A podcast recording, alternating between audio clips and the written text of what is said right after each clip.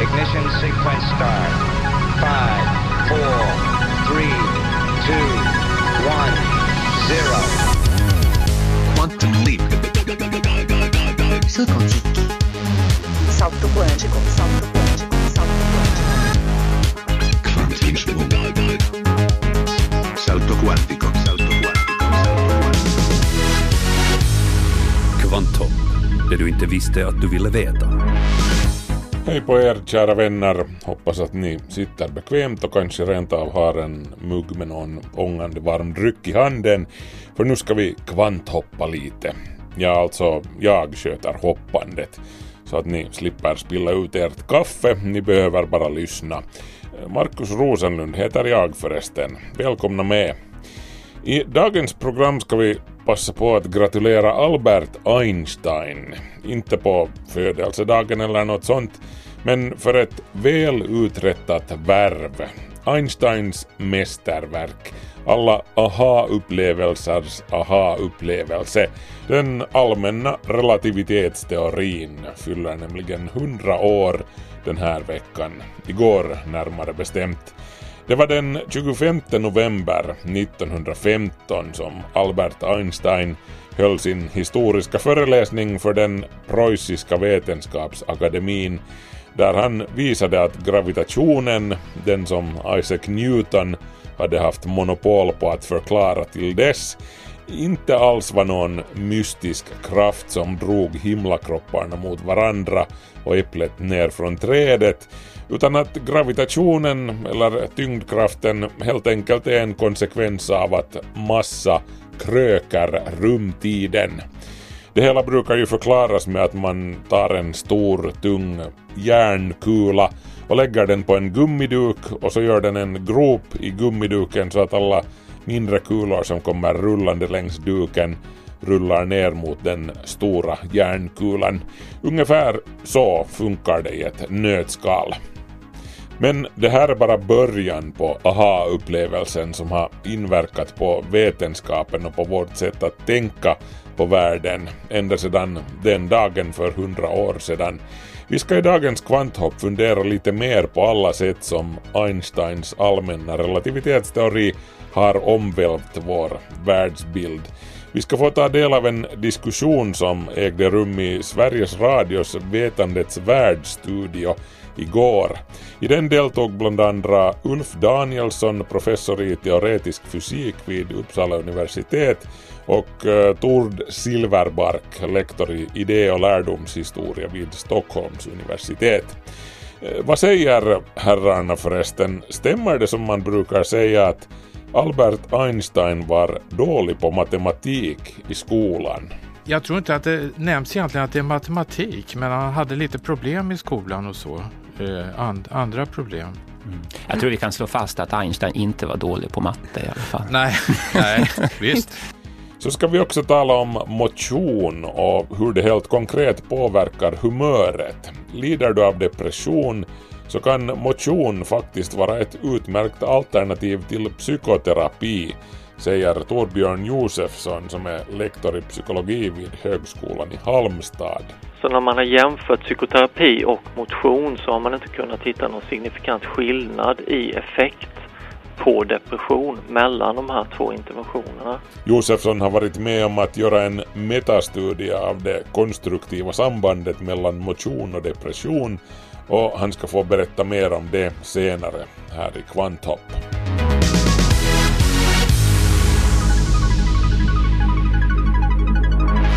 Sådant alltså på kommande. Innan allt det här blir det hur som helst notiser tillsammans med Ulrika Fagerström. Det ska bland annat handla om hur danskarna ska göra livsmedelsfärger av alger. Kvanthopp. Sikta mot stjärnorna.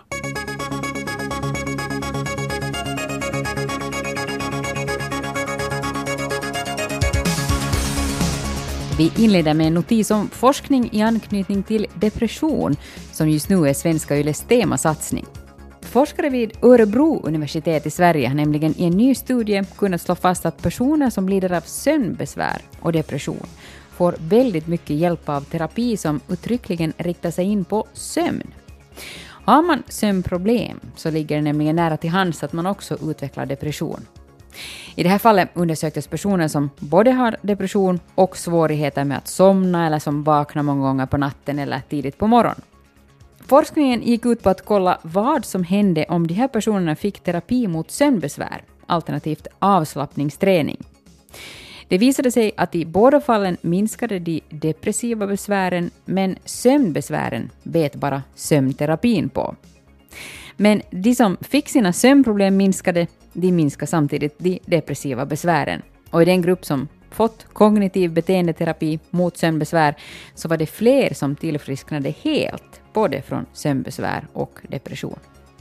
Maria Tillfors, en av forskarna, konstaterar att om man sover dåligt så blir det svårare att hantera oro och olika typer av negativa tankar. Och genom att komma åt sömnbesvären så kommer man på köpet åt depressionen. Att komma åt cancer i ett tidigt skede är lika så viktigt. Forskare vid Umeå universitet rapporterade nyligen om att de har kommit långt med att utreda cancerfall med hjälp av en ny form av blodprov. De undersökte närmare 300 personer, varav de flesta hade konstaterats ha någon form av cancer, och med ett enkelt blodprov där de analyserade trombocyter så lyckades de identifiera så gott som alla cancerfall. Det här är väldigt bra, för kan man med hjälp av ett enkelt blodprov upptäcka cancer så betyder det att cancerfall kan upptäckas tidigare, mycket tidigare än idag, och det gör stor skillnad för patienten, ibland till och med på liv och död. Alger är ett otyg sommartid. Men nu har danska forskare vänt upp och ner på det hela och upptäckt att algerna kan vara framtidens produktionsmaterial för allt möjligt. Alger behöver bara sol, koldioxid och saltvatten för att växa och kan i princip utnyttjas för att få fram både mediciner, vitaminer och livsmedelsfärger, vilket nu är aktuellt. Johan Andersen Ranberg heter en forskare vid Köpenhamns universitet som beviljats pengar för ett forskningsprojekt som ska ta fram ett naturligt färgämne för livsmedelsindustrin med hjälp av alger. Planen är att flytta de gener från mandariner som ansvarar för färgen orange och lägga in dem i alger och på så sätt få fram ett naturligt karoten tillverkat av alger. Billigt, biologiskt och bra. Andersen Ranberg hoppas att danskarna nu ska bli föregångare med att använda alger på ett helt nytt sätt. Av någon orsak äter män mer mat i kvinnors sällskap än då de äter tillsammans med andra män. Den här undersökningen gjorde man på en italiensk restaurang i USA där det serverades pizza och salladsbuffé. Och alltså helt på riktigt så åt männen både mer av pizzan och av salladen då de hade damsällskap. Forskarna, ja det är en forskning det här, så de drar slutsatsen att männen med sitt ätande försöker imponera på kvinnorna och visa att de är i gott fysiskt skick. Sen kan det ju förstås hända att männen oftast helt enkelt inte fick en syl i vädret i damsällskapet och att de istället helt enkelt var tvungna att äta mer under tiden för att ha någonting att göra. Men i de banorna verkar alltså forskarna inte ha tänkt. Kvinnorna för sin del åt samma mängd oberoende av om det var kvinnor eller män i sällskapet, men de upplevde ofta att de hade ätit mer och snabbare då de hade haft sällskap av män. Nu ska vi leka lite med tid och rum här i Kvanthopp. Inte bara för att vi ska resa hundra år tillbaka i tiden till Berlin, utan för att den här kombinationen av tid och rum var någonting som Einstein hade ett och annat att berätta om. Jag talar naturligtvis om Albert Einsteins stora aha-upplevelse, den allmänna relativitetsteorin, som han presenterade den här veckan för hundra år sedan i Berlin. Den 25 november var datumet alltså och platsen var den preussiska vetenskapsakademin. Eh, vi ska nu få ta del av en diskussion som ägde rum igår på datumet för 100-årsjubileet i Sveriges Radios Vetandets världsstudio. Det är Camilla Widebäck som leder diskussionen. Men först några ord från mannen själv. Just ask a hundred people of the street what really happens in a telephone apparatus or in a radio receiver Nej, tyvärr, det här ljudet är inte från det mycket speciella tillfället för precis hundra år sedan i Berlin. Det här var i princip det enda som jag hittade i Sveriges Radios arkiv med Albert Einsteins röst, så vi fick hålla till godo med det. Här talar han 1936 om människans förhållande till den moderna tekniken, vilket då betydde telefonen och radiomottagaren. Men den 25 november 1915 då talade Albert Einstein i Preussiska vetenskapsakademin i Berlin. Och då la han fram den allmänna relativitetsteorin. Den speciella relativitetsteorin den hade han presenterat redan tio år tidigare. Den handlade om att tid och rum inte kan skiljas åt utan är ett och samma, rumtiden. Den allmänna relativitetsteorin, den som alltså fyller 100 precis idag, den beskriver gravitationen. Gravitationen är en effekt av att föremål med massa kröker rumtiden. Den är inte en kraft som Newton beskrev den som, utan, och så som alla hade trott med honom sen i mer än 200 år. Utan gravitation är alltså krökt rumtid. Välkommen Ulf Danielsson, professor i teoretisk fysik. Tack så mycket. Vad innebär det egentligen att gravitation är krökt rumtid? Ja, alltså just det, själva nyckeln är just det här att gravitationen inte är en kraft. Och det innebär att ett föremål som inte påverkas av en kraft, det rör sig alldeles spikrakt genom rum och tid. Men är rumtiden krökt, då kommer denna raka bana att se krökt ut. Och det är precis det som är orsaken till gravitationen enligt den allmänna relativitetsteorin. Och den här krökningen, det är inte bara en krökning i rummet, precis som en yta kan vara krökt. Ytan på ett klot är krökt till exempel. Ett rum kan vara krökt, utan det handlar också om tiden. Och det innebär då att tiden nära någonting som är stort och tungt går lite långsammare. Och det är faktiskt just den effekten som är den viktigaste i, i vardagslivet. Eh, som påverkar och gör att saker och ting faller. Det är just det här att tiden går olika fort. Mm, det är den som gör att saker och ting faller. Det är Ja. inte riktigt så man tänker sig Nej, kanske. det är inte riktigt det. Själva den här teorin som alltså Einstein beskrev då för Preussiska vetenskapsakademin för precis 100 år sedan. Um, Tord Silverbark, vetenskapshistoriker vid Stockholms universitet. Välkommen du också. Ja, tack. De första beläggen för den här teorin brukar man säga kom 1919 sen, fyra år senare. Ja, det pågick ju ett världskrig när teorin lades fram så att det blev ju en viss fördröjning med detta då också. Och det fanns ju i eh, planerna fanns det ju vissa förutsättningar att testa teorin.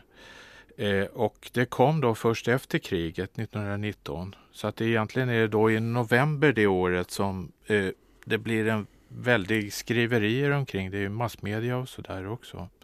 Så att man kan se det som ett riktigt genombrott för teorin då också, publikt genombrott. Och hur, hur Eh, testar man den då? Eh, ja, det är ju just det här med rumtidens krökning och att även en elektromagnetisk våg, ett ljus, en ljusstråle från en avlägsen stjärna skulle då passera nära den förmörkade solen och då skulle man kunna se en förändring i stjärnans position. Det var det som hela testet gick ut på. Och eh, det var ju då en sorts jämförelse att man ställer upp världsbilder mot varandra. Det är Newton mot Einstein så att säga. Är universum rakt som vi hörde Ulf säga alldeles nyss att det är, är inga krafter som påverkar en ljusstråle så skulle den gå färdas rakt fram och oförändras. Men är rumtiden krökt, inte stora kroppar, stora massor, så skulle den då kunna märka den här krökningen. Och nu sitter Ulf och vinkar här, Ulf Ja, ja det, det, det, det är ju så här att även i den newtonska teorin så kommer ljuset att böja av. Men eh, poängen är precis som Tord beskriver då att har man en krökt rumtid och det beskrivs utav Einsteins teori, då kommer den här avböjningen lustigt nog att vara dubbelt så stor som Ja. den newtonska teorin. Och det var den skillnaden som man var ute efter att mäta.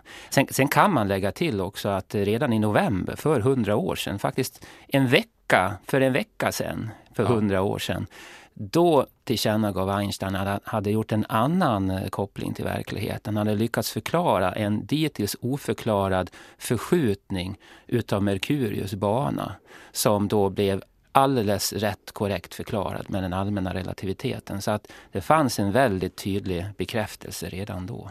Så studier av solförmörkelser 1919 men egentligen Merkurius bana redan faktiskt eh, samma månad som han la fram teorin även om det stora genombrottet kom ju då 1919. Det var ju då som det slog igenom och blev riktigt etablerat. Ja, kanske beroende på att kriget behövde ta slut först då.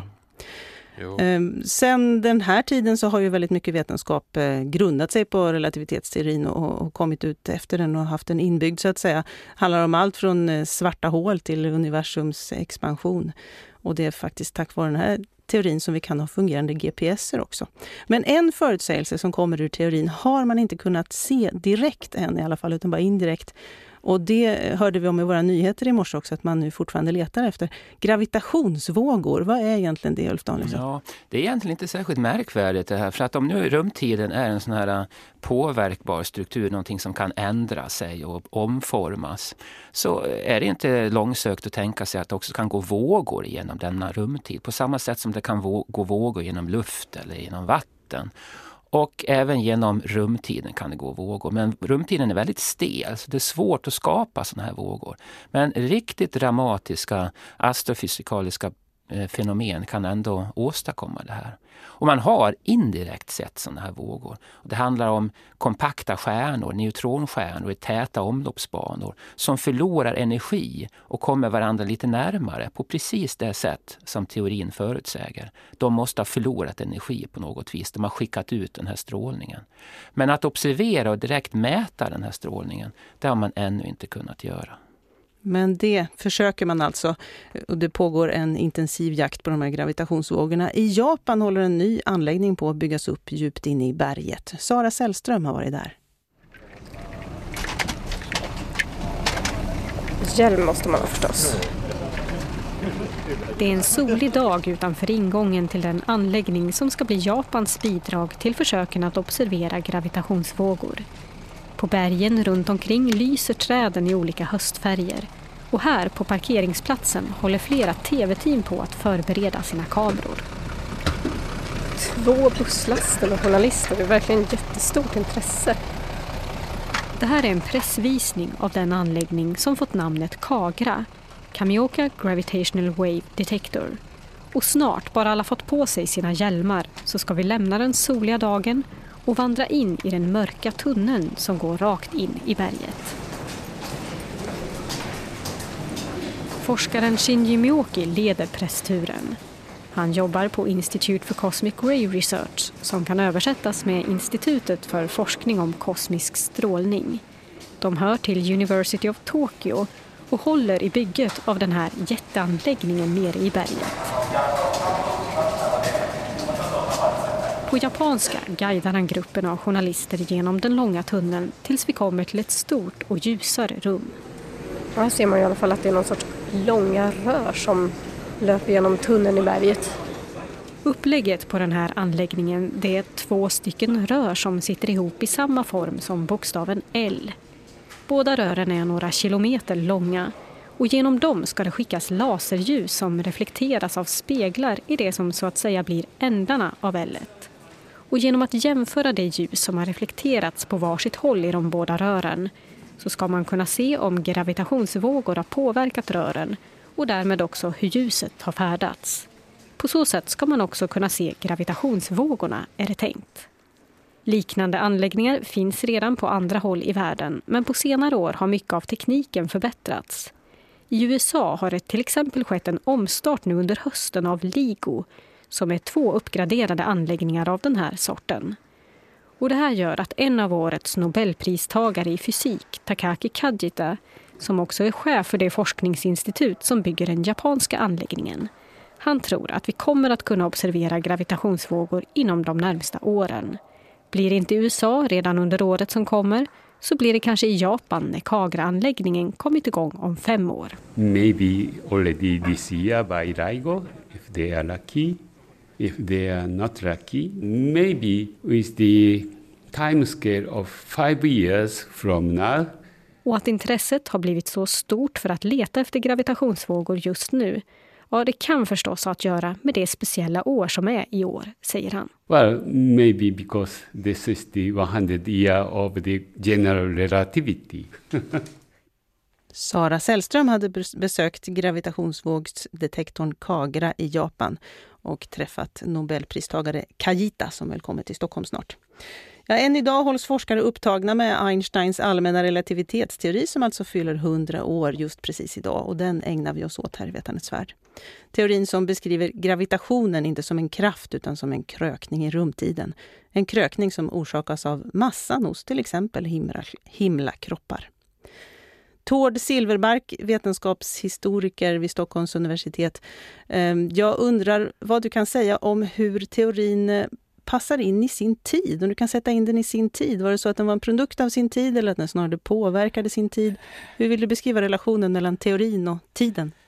Eh, ja, det är klart att det finns en relation, men eh, jag är lite försiktig just med att uttrycka det som att det är ett kas kausalt samband mellan det, för att det, det är nog svårt att hävda. Eh, men om man tänker på det här med eh, rumtiden som en ett krök, en krökning och att det är en fyrdimensionalitet som Einstein då utgår ifrån så, så finns det ju en, ett långt samtal som förs eh, tillbaka på 1800-talet och så, det gör det ju. Det kom en, en roman redan 1884 av Edwin Abbott som heter Flatland som brukar nämnas i de här sammanhangen. Och den leker ja. med tanken på en tvådimensionell värld och hur man uppfattar sånt som kommer från en tredje dimension. Ja, och det är ju också en bild, det finns ju bilder i den boken som används då av tyska fysiker innan också. Och eh, även Einstein själv använder det här med eh, att tvådimensionella varelser inte erfar en tredje dimension och att det förhållandet är då analogt för oss med en fjärde. Eh, så att han har ju tankeexperiment som är, ligger i tiden verkligen, det gör det ju. Och hur samspelar den med sin tid sen lite längre fram när den verkligen eh, slår igenom så att säga? Ja, då är det kanske ännu mer att det är det omvända förhållandet att det är relativitetsteorin som också sätter sin prägel på en tidsålder. Eh, man pratar ju på 20-talet om att allting är relativt, att det kommer en sån strömning, sådana idéer. Och det här var ju då väldigt kontroversiellt får man ju tänka på, att det finns då de som tycker väldigt illa om det. Man har, om vi tänker efter genombrottet, publika genombrottet och så, så handlar det ju då om att eh, det är nyss efter kriget och eh, eh, på vissa håll tycker man då att Einstein är en eh, fiende, en tysk och eh, man ser också honom som jude, att det finns antisemitism i det här med motstånd mot relativitetsteorin och så också. Och på andra håll så man då, är man väldigt öppen för detta med att man skulle rubba på begreppen, våra centrala begrepp som vi rör oss med och så. Eh, tid och rum. Eh, den franske filosofen Bergson till exempel var ju då väldigt förtjust och han skrev också ett stort verk om tid. Han skrev flera verk om tiden men också om Einsteins användning av tiden och så. Han var ju lite besviken då för att Einstein inte var subjektivist. Att han uppfattar tiden som någonting som kan mätas eh, objektivt i alla fall. Så att det finns ju en hel rad olika där eh, och även då har vi ju konstriktningar som eh, tar tag i detta. Eh, konkretismen i Sverige till exempel finns ju då eh, Otto G Karlsson som eh, eh, målar, han dekorerar för ett solobservatorium i, utanför Berlin.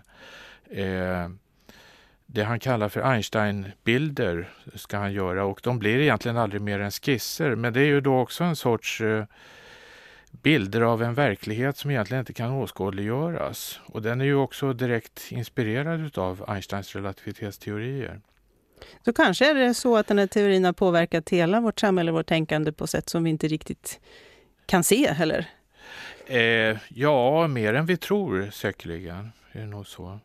Den har ju blivit väldigt framgångsrik för att uttrycka det milt. Men eh, fram på lite senare där under 1900-talet kan man väl ändå kanske säga att den fick problem för den fick en kompis som den inte riktigt eh, kom så bra överens med, nämligen kvantmekaniken. När den teorin eh, dök upp, det var då som Einstein fällde sitt berömda uttalande Gud spelar inte tärning för att han tyckte kvantmekaniken verkade väldigt konstig, för den hade så mycket konstiga effekter. Hur, hur, hur såg det där ut, den den där diskussionen eh, då, Ulf Danielsson? Ja, alltså det, det, det är ju naturligtvis så att kvantmekaniken är märklig. På många sätt så är den egentligen märkligare än till och med relativiteten. Och, och det är ju riktigt att Einstein, han, han gillade inte kvantmekaniken och eh, menade att den var ofullständig, ofullkomlig på något vis. Men eh, historien har väl visat och gett honom fel egentligen på den punkten. Däremot, Men de, de går inte ihop de här två Nej. teorierna. Jag kanske inte ska fråga varför, för det har, för har väl sina Nej. matematiska svar så det blir lite för komplicerat kanske. Men, men, men de går ju än idag inte ihop. Hur kan det vara så svårt att, att, att få de här att komma överens? Alltså det, det har att göra med att det finns, att de har så oerhört olika syn på, på egentligen på tiden och på historien. I den allmänna relativiteten då är rumtiden evigt utlagd, bestämd av materien. I kvantmekaniken kan materien, materiens position är inte välbestämd utan det finns en, en, en osäkerhet som då överförs också rimligen till en osäkerhet i själva rumtiden. Och det där blir väldigt besvärligt. Nu har man ju på olika sätt och försökt att foga samman det här ändå och det finns eh, viss framgång då som har, man har kommit bidragit till med hjälp av strängteorin. Så att det finns försök att foga samman det. Och det är just det som du jobbar med, Ja, så det är klart att ja. du nämner just det. Ja. Ehm, Och, och ändå är man inte riktigt framme, eller man är Nej. i alla fall inte säker på att det Nej. stämmer. Och, och vi ska säga det då att, eh, att allmänna relativitetsteorin den är bra på att beskriva det, det stora ute i rymden och så, medan kvantmekaniken mekaniken är bra på att beskriva det lilla. Men på något vis, och vänster, måste det ju till slut eh, gå ihop. Ja, det handlar ju om samma värld, samma universum som vi beskriver och vi har olika modeller som det är inte konstigt att de är, är eh, ofullkomliga. Men någonstans måste de mäklas samman då till en mer harmoniskt fungerande enhet. Speciell relativitet och kvantmekanik, det tog många decennier innan man fick ihop det till det som vi kan kalla för partikelfysiken. Allmänna relativiteten är ett snäpp svårare. Vad, vad är det som, som eh, behövs då för att komma vidare kan man ju fråga sig. Det, det sägs att Einstein själv inte var så bra på matematik utan han tog faktiskt hjälp med, med matematiken av eh, sin fru Mileva Maric och matematikern Marcel Grossman bland annat. Eh, och han själv mer reflekterade över de fysikaliska begreppen och så blev han ju så framgångsrik. Kan det vara Ja, ligger det någonting i den här beskrivningen så tänker man att det kanske är en sån person vi behöver. Är, är det, eh, vad säger du Tord Silverbark, är det en beskrivning som vetenskapshistorien gör av Einstein? Nu uppfattar jag inte fråga, hur frågan var ställd riktigt. Var, Men- var det så att han inte var så bra på matematik utan han behövde hjälp med den, Einstein? Nej, det tror jag inte är något specialfall alls alltså, utan han, han hade nog en tillräcklig utbildning från början och han fördjupades ju sen i matematik också, just för behovet med den allmänna relativitetsteorin och så. Så att eh, det tror jag inte. Det är väl mera en eh, skröna som man drar för att göra oss eh, andra glada att eh, det är aldrig för sent att lära sig. Om vi var dåliga i matte i skolan så har vi fortfarande hopp. Alltså. För det var han ändå lite grann då. Eh, jag tror inte att det nämns egentligen att det är matematik, men han hade lite problem i skolan och så. Eh, and, andra problem. Jag tror vi kan slå fast att Einstein inte var dålig på matte i alla fall. Nej, nej visst. Så fruktansvärt dålig kan det inte vara. i alla fall. Nej, jag tror inte det. Men kanske att han tänkte på något, eh, ja, på något vis måste han ha tänkt på något annat sätt. För att, Och för att, dessutom också kombinera ihop det tänkandet då med att formulera det matematiskt. Ni hörde Ulf Danielsson, professor i teoretisk fysik vid Uppsala universitet och Tord Silverbark, lektor i idé och lärdomshistoria vid Stockholms universitet. Camilla Widebäck från Sveriges Radios Vetandets värld ledde diskussionen. Kvanthopp snabela yle.fi. Vi är ju alla itutade att motion är bra för oss. Det har jag också hört. Jag har inte gjort någonting åt saken ännu. Det det kan ju alltså vara överraskande svårt att få upp ändan ur soffan och ta sig ut och gå, springa, jumpa eller vilket sätt man nu än väljer att röra på sig. Eh, men det finns stunder då man speciellt borde få igång sig och det är då humöret av en eller annan orsak sviktar. För den som är deprimerad är motion nämligen guld värt. Enligt en svensk studie så är motion till och med lika effektivt som psykoterapi. Så här säger Torbjörn Josefsson som är lektor i psykologi vid Högskolan i Halmstad och en av dem som genomförde den här metaanalysen som belyste det konstruktiva sambandet mellan motion och depression. Om jag säger så här att effekten av KBT på depression är, har ungefär lika stor effektstorlek som den vi har sett på eh, av motion. Så när man har jämfört psykoterapi och motion så har man inte kunnat hitta någon signifikant skillnad i effekt på depression mellan de här två interventionerna. Metaanalysen som Torbjörn Josefsson vid Högskolan i Halmstad gjorde tillsammans med forskare vid Göteborgs universitet tog sig an 13 studier om sambandet mellan depression och motion. Och de fick fram att motion har en måttlig till stor effekt på depression. Faktiskt lika stor effekt som traditionell samtalsterapi. Josefsson kan inte säga att motion direkt skulle kunna bota en depression, men motion kan helt klart lindra en depression.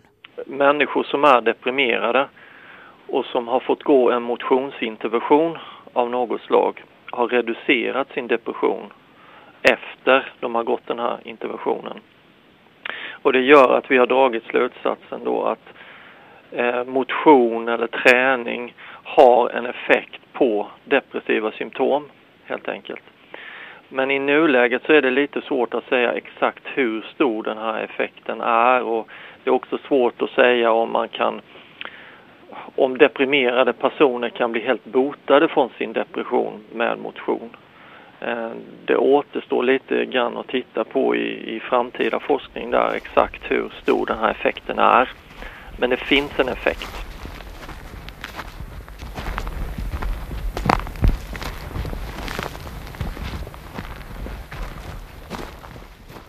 Så vad är det då i kroppen som händer som påverkar humöret på längre sikt? Det finns väldigt många saker som händer i kroppen och i hjärnan när vi motionerar. Eh, bara för att ta ett exempel utan att gå in på var och en av de här men, men det finns en relation mellan ett eh, järnprotein som heter BDNF. Eh, och man har sett att deprimerade personer har generellt låga värden av det här järnproteinet. Och det här järnproteinet i sig har en funktion av att skydda överlevnaden av neuroner och även då stimulera utvecklingen av nya neuroner. Eh, fysisk aktivitet, träning och så vidare, det ökar halten av det här järnproteinet. Och detta är som sagt ett exempel som man har sett där det finns en relation mellan någonting som har, är kopplat till depression å ena sidan och någonting som också är kopplat till motion. Så motion höjer värdet av BDNF och vi ser att deprimerade personer har låga värden av det här järnproteinet. Så vi vet inte riktigt alltså om det är en orsaksmekanism. Vi kan bara se att det är ett samband än så länge. Och det gäller väldigt många av de här fysiologiska, biologiska, neurologiska föreslagna mekanismerna. Eh, att det finns ett samband mellan eh, halten av dem och depression. Eh, medan motion då har en tendens att balansera eller öka låga halter av de här olika typerna av kemiska, eh, ja, kemiska balansen i hjärnan och så vidare. Dopamin och annat. Men det är inte bara kemikaliecocktailen i våra kroppar som blir shaked and stirred, också våra mentala uppfattningar påverkas av att kroppen förändras vid motion. När det gäller mer psykologiska mekanismer så har man ju tittat på det här med självkänsla till exempel. Framförallt det här med fysisk självkänsla.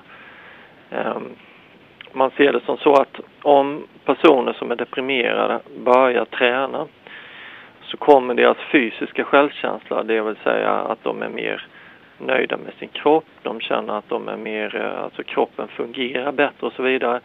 Det ökar den här fysiska självkänslan. Och den fysiska självkänslan i sin tur brukar ha en viss påverkan på den mer, som det kallas då, globala självkänslan, alltså helhetssjälvkänslan.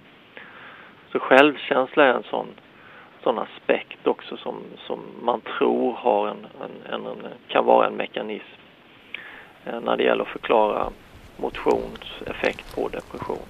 När det gäller antidepressiv medicinering för deprimerade menar Torbjörn Josefsson att nya undersökningar tyder på att den mätbara nyttan av medicinering är väldigt låg när det gäller milda och måttliga depressioner.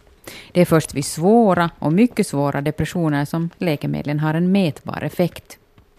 Kontentan blir att för den som har en mild eller måttlig depression är medicin inte till nytta, Men både motion och samtalsterapi är det.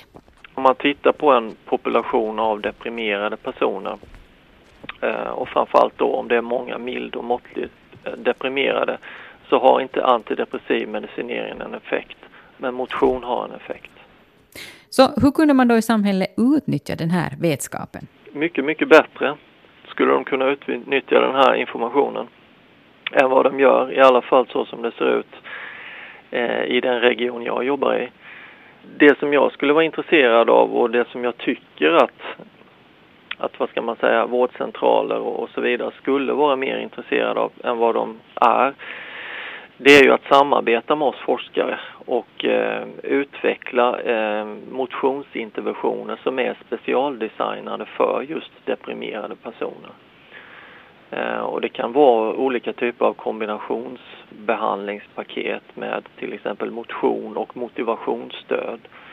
Eh, för det finns studier som har gjorts också i England där man har jämfört vad ska vi kalla det för, vanlig motionsintervention versus eh, motionsintervention plus motivationsstöd för deprimerade kvinnor. Där det har framkommit då att den här, det här kombinationspaketet motivationsstöd och motion har större effekt på depression än bara vanlig motion. Så att det finns ju kunskap i, i forskarsamhället kring de här frågorna och det skulle vara intressant att utveckla just den här typen av specialdesignade interventioner, motionsinterventioner för deprimerade personer.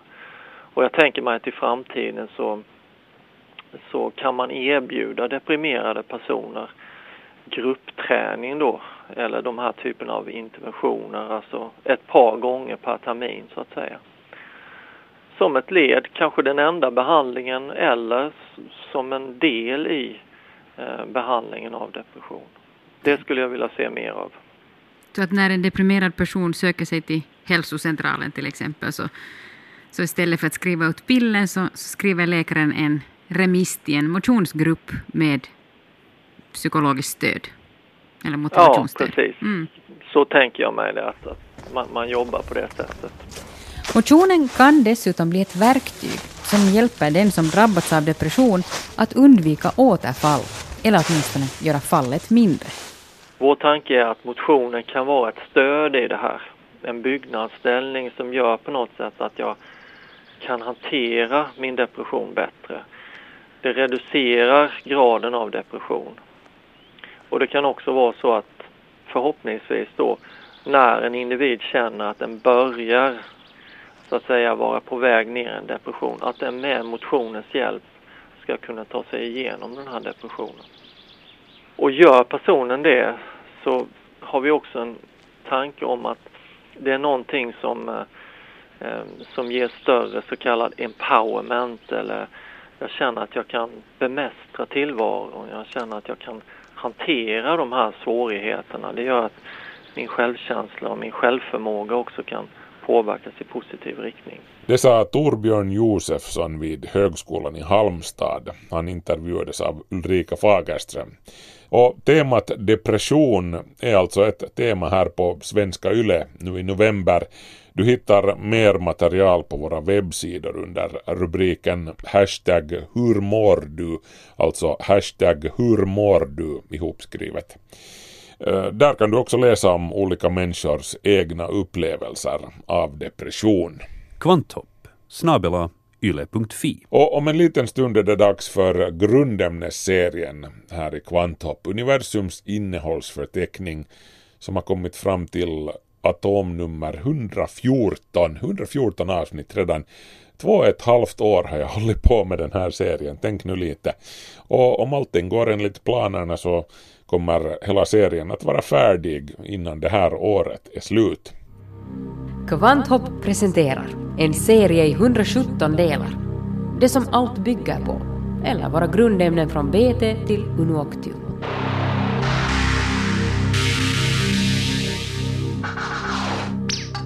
Atomnummer 114, flerovium, kemiskt tecken FL, behöver knappast ens nämnas att flerovium liksom alla andra supertunga grundämnen så här långt nere i den periodiska tabellen inte existerar i naturen utan måste tillverkas i en partikelaccelerator. Jag hade en diskussion med en lyssnare om det här att varför heter grundämnen som inte så att säga finns på riktigt ens grundämnen? Ja, no, det är en bra fråga det här. Eh, de är ju de facto syntetiska. Så här tunga grundämnen skapas inte ens i supernova-explosioner, de kosmiska jättesmedjorna som står för största delen av alla grundämnen tyngre än järn. Men också de här supertunga atomerna består trots allt av samma legoklossar som alla andra grundämnen. Protoner, neutroner och elektroner. Klossarna är bara så många att själva byggsatsen blir synnerligen instabil eller på fysikerspråk radioaktiv. Den stabilaste kända fleroviumisotopen flerovium 289 har en halveringstid på 2,6 sekunder. Det vill säga om 2,6 sekunder har hälften av allt ditt flerovium gått upp i rök eller snarare alfastrålning. Och med tanke på att det bara har skapats omkring 90 fleroviumatomer sedan 1998 då flerovium först upptäcktes på kärnforskningsinstitutet JINR i Ryssland så kan man förstå att ingen har hunnit ta en tillräckligt lång titt på det här grundämnet för att kunna säga värst mycket definitivt om det. Men eftersom det hör till grupp 14 i det periodiska systemet tillsammans med kol, kisel, germanium, tenn och bly så förväntas det ha liknande kemiska egenskaper som sina kusinämnen även om man vet att det också finns skillnader. Flerovium förutspås till exempel ha en väldigt låg smält- och kokpunkt, mycket lägre än hos bly. Eh, vissa menar rent av att flerovium skulle uppträda som en gas, i så fall en ädelgas, men det här har inte gått att bevisa experimentellt. Eh, hur som helst så var det som sagt ryska forskare på kärnforskningsinstitutet JINR i Dubna eh, bekant för dem som har följt med den här serien på sistone som först tillverkade flerovium. Året var alltså 1998. Eh, de gjorde det genom att bombardera en plutonium 244 isotop med kalcium 24 isotoper. Och ryssarna valde sedan att uppkalla det nya grundämnet efter den ryska kärnfysikern Georgi Fliorov eller snarare kärnreaktionslaboratoriet vid JENR som bär hans namn. Fliorov blev i tiderna känd för att han i april 1942 ringde till Stalin och påpekade att någonting skumt var på gång på andra sidan Atlanten. Alla de vetenskapliga journalerna i USA men också England och till och med Tyskland hade plötsligt slutat publicera artiklar rörande kärnfission. Det här fick Fliorov att dra slutsatsen helt korrekt som det skulle visa sig att fissionsforskningen plötsligt hade hemligstämplats av militära skäl. Hmm. Nåja, Fliorov framhärdade och med tiden ledde det här till att Sovjetunionen också startade sitt eget atombombsprojekt. Och på den vägen är vi.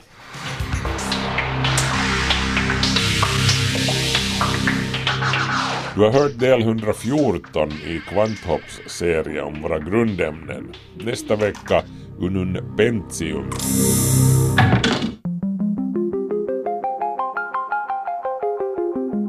Kvanthopp, det du inte visste att du ville veta. Det var det av Viti Grina som de säger någonstans i svensk Finland. Kvanthopp är slut för den här veckan och nästa vecka är det Ulrika Fagerström som håller i trådarna medan jag laddar upp inför självständighetsbalen på slottet. Jag kommer att vara Svenska Yles fotograf och sommarreporter där i år.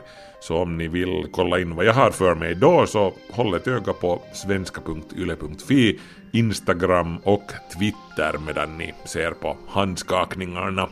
Men nu är det dags att tacka för visat intresse för den här gången. Markus Rosenlund heter jag. Vi hörs. Ha det bra!